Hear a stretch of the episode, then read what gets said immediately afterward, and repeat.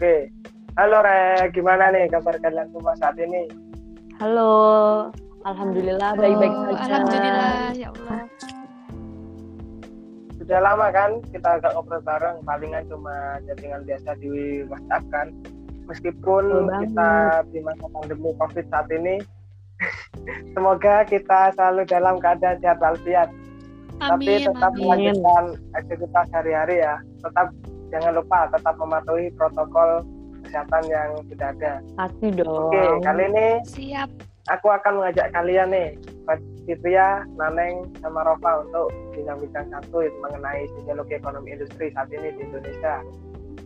Terus di zaman modern saat ini kan teman-teman pasti sudah tidak asing lagi mendengar ekonomi industri. Mungkin kalau sudah ngomong masalah ekonomi industri pasti kita berpikir bahwa ekonomi industri itu tentang perusahaan lalu pasar. Tetapi di sini aku mau mengajak membahas tentang sisi sosiologinya itu bagaimana sih mungkin Mbak Rova bisa menjelaskan tentang sosiologi ekonomi industri itu bagaimana? Mbak Oke. Mem- Mengenai masalah sosiologi ekonomi, menurut saya sih sosiologi ekonomi mempelajari berbagai macam kegiatan yang bersifat kompleks dan melibatkan produksi, distribusi, pertukaran, dan konsumen barang dan jasa yang sifatnya langka dalam masyarakat. Sehingga dalam memahami aspek kehidupan ekonomi masyarakat, kita perlu menghubungkan faktor ekonomi dengan faktor lain, seperti faktor kebudayaan, lalu kelompok solidaritas, sosial, lah yang dapat mempengaruhi perkembangan ekonomi tersebut.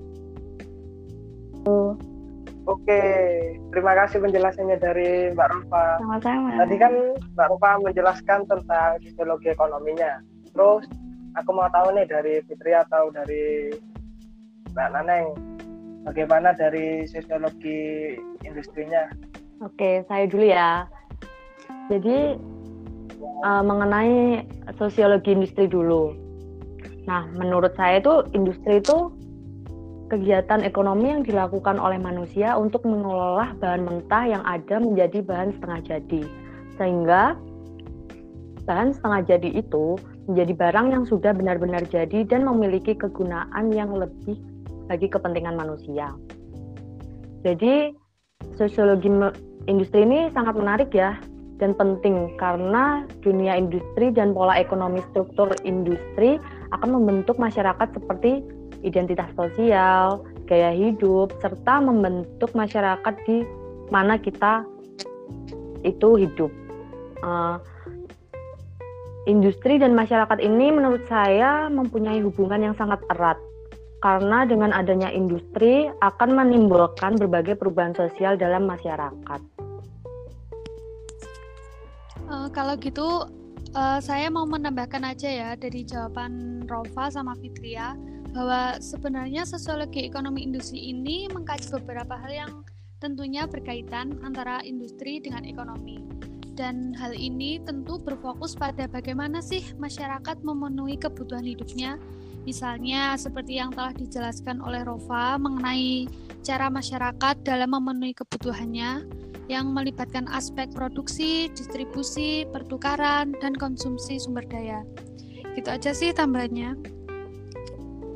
Oke, menarik sekali nih jawaban dari kalian semua. By the way, ngomongin ekonomi industri, di era pandemi seperti saat ini, menurut kalian ada nggak sih dampak krusial ekonomi industri yang disebabkan oleh pandemi corona yang tiba-tiba membuat orang-orang di dunia ini ketakutan? Maaf nih kalau batuk. Iya, Gak apa-apa, santai aja mas. Ya silakan Mbak Naneng.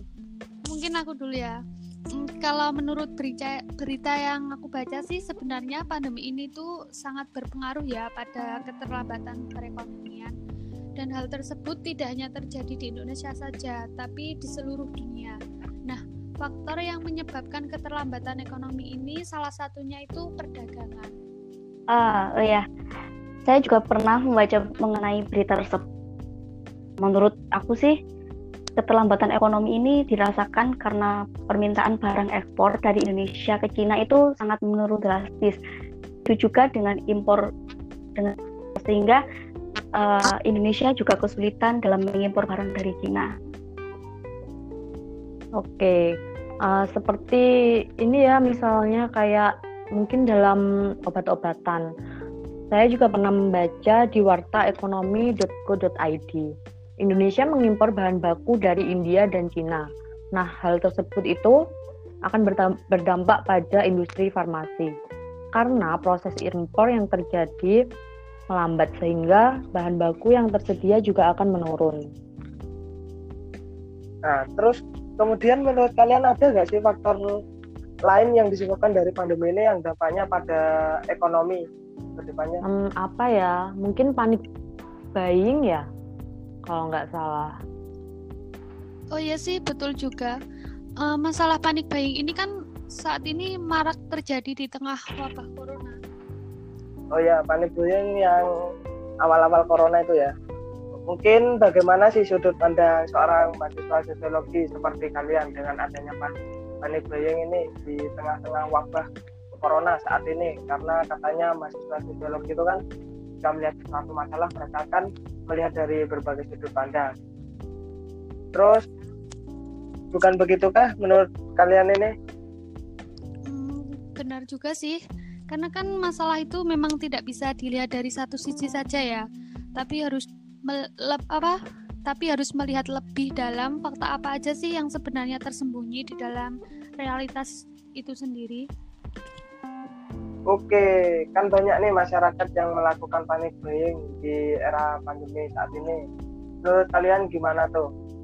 Uh, kalau menurutku sih masyarakat melakukan panic buying itu wajar karena selama begitu uh, tentunya hal ini kan dilakukan karena masyarakat takut bagian stok bahan makanan dan minuman di rumahnya uh, pandem saat pandemi kan masyarakat juga memiliki kebutuhan harus mem rumah maupun di dan dengan begitu uh, sangat bagus juga kan di saat pemerintah melakukan lockdown seperti yang terjadi saat Uh, tapi kan perlu diketahui juga jika masyarakat terus melakukan panik buying itu akan berdampak pada masyarakat lainnya yang akan mengalami kerugian. Misalnya nih, jika keser ketersediaan stok langka. Nah, akibatnya kan masyarakat lain susah untuk mendapatkan barang. Dan bisa saja masyarakat itu mendapatkan barangnya dengan harga yang tinggi. Iya, betul sekali. Contohnya kayak itu ya. Di awal-awal itu kan di awal-awal pandemi itu kan masker harganya murah ya teman-teman jadi karena adanya kelangkaan ya. itu gimana ya jadi adanya kelangkaan masker itu kita itu mendapatkan masker itu dengan harga yang tinggi khususnya uh, masker kesehatan itu kan. Sehingga ya sehingga kasihan orang-orang yang tidak mendapatkan masker lainnya. Dan harus membeli harga dengan harga yang uh, membeli masker dengan harga yang tinggi. Begitu terus apakah ada tambahan lagi dari Mbak Fitria ini mungkin itu sama kayak hubungan itu ya hukum permintaan dan penawaran jadi jika permintaan masker semakin tinggi dan penawaran yang diberikan oleh perusahaan semakin uh, tidak bisa memenuhi permintaan tersebut, maka harga masker itu menjadi melambung tinggi.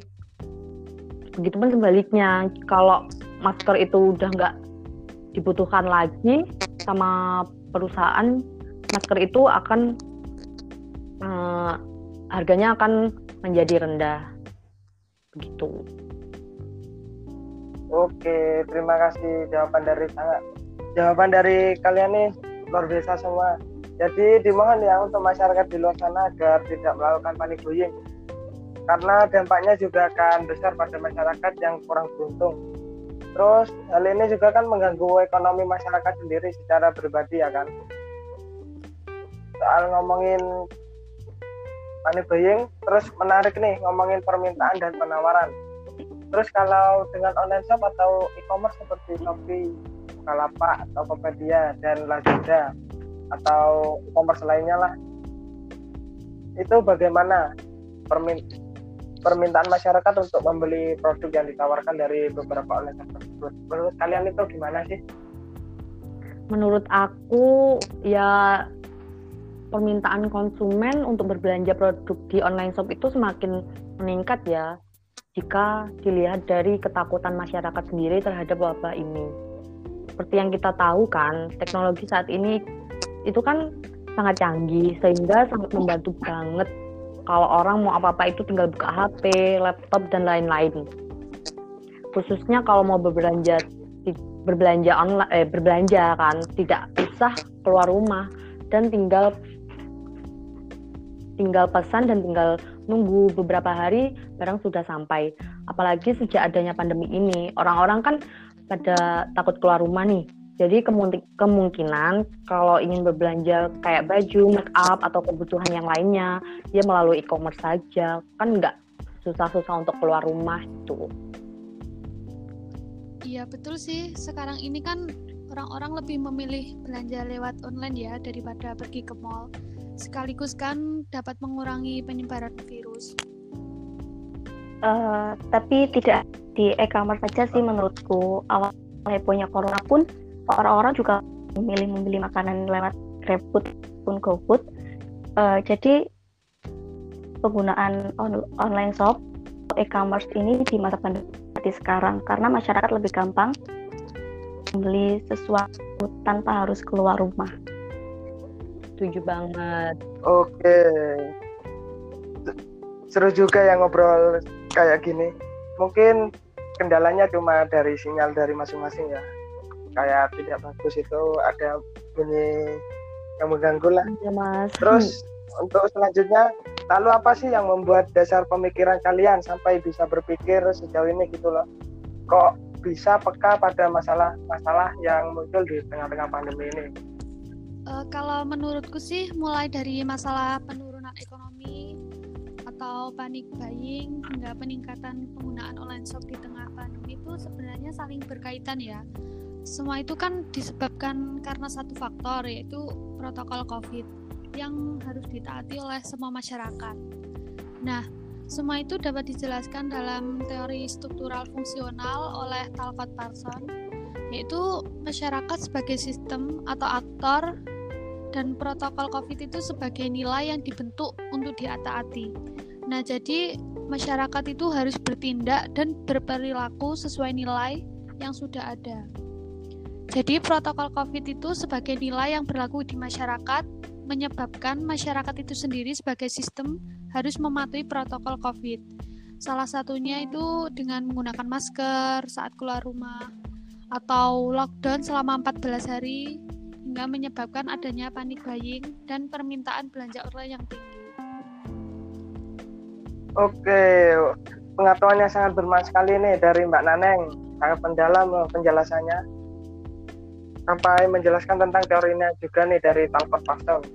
Jadi kesimpulannya menurut saya sosiologi ekonomi dan industri di tengah-tengah pandemi ini memudahkan kita untuk menilai bagaimana kegiatan ekonomi dan industri di tengah-tengah wabah corona ini.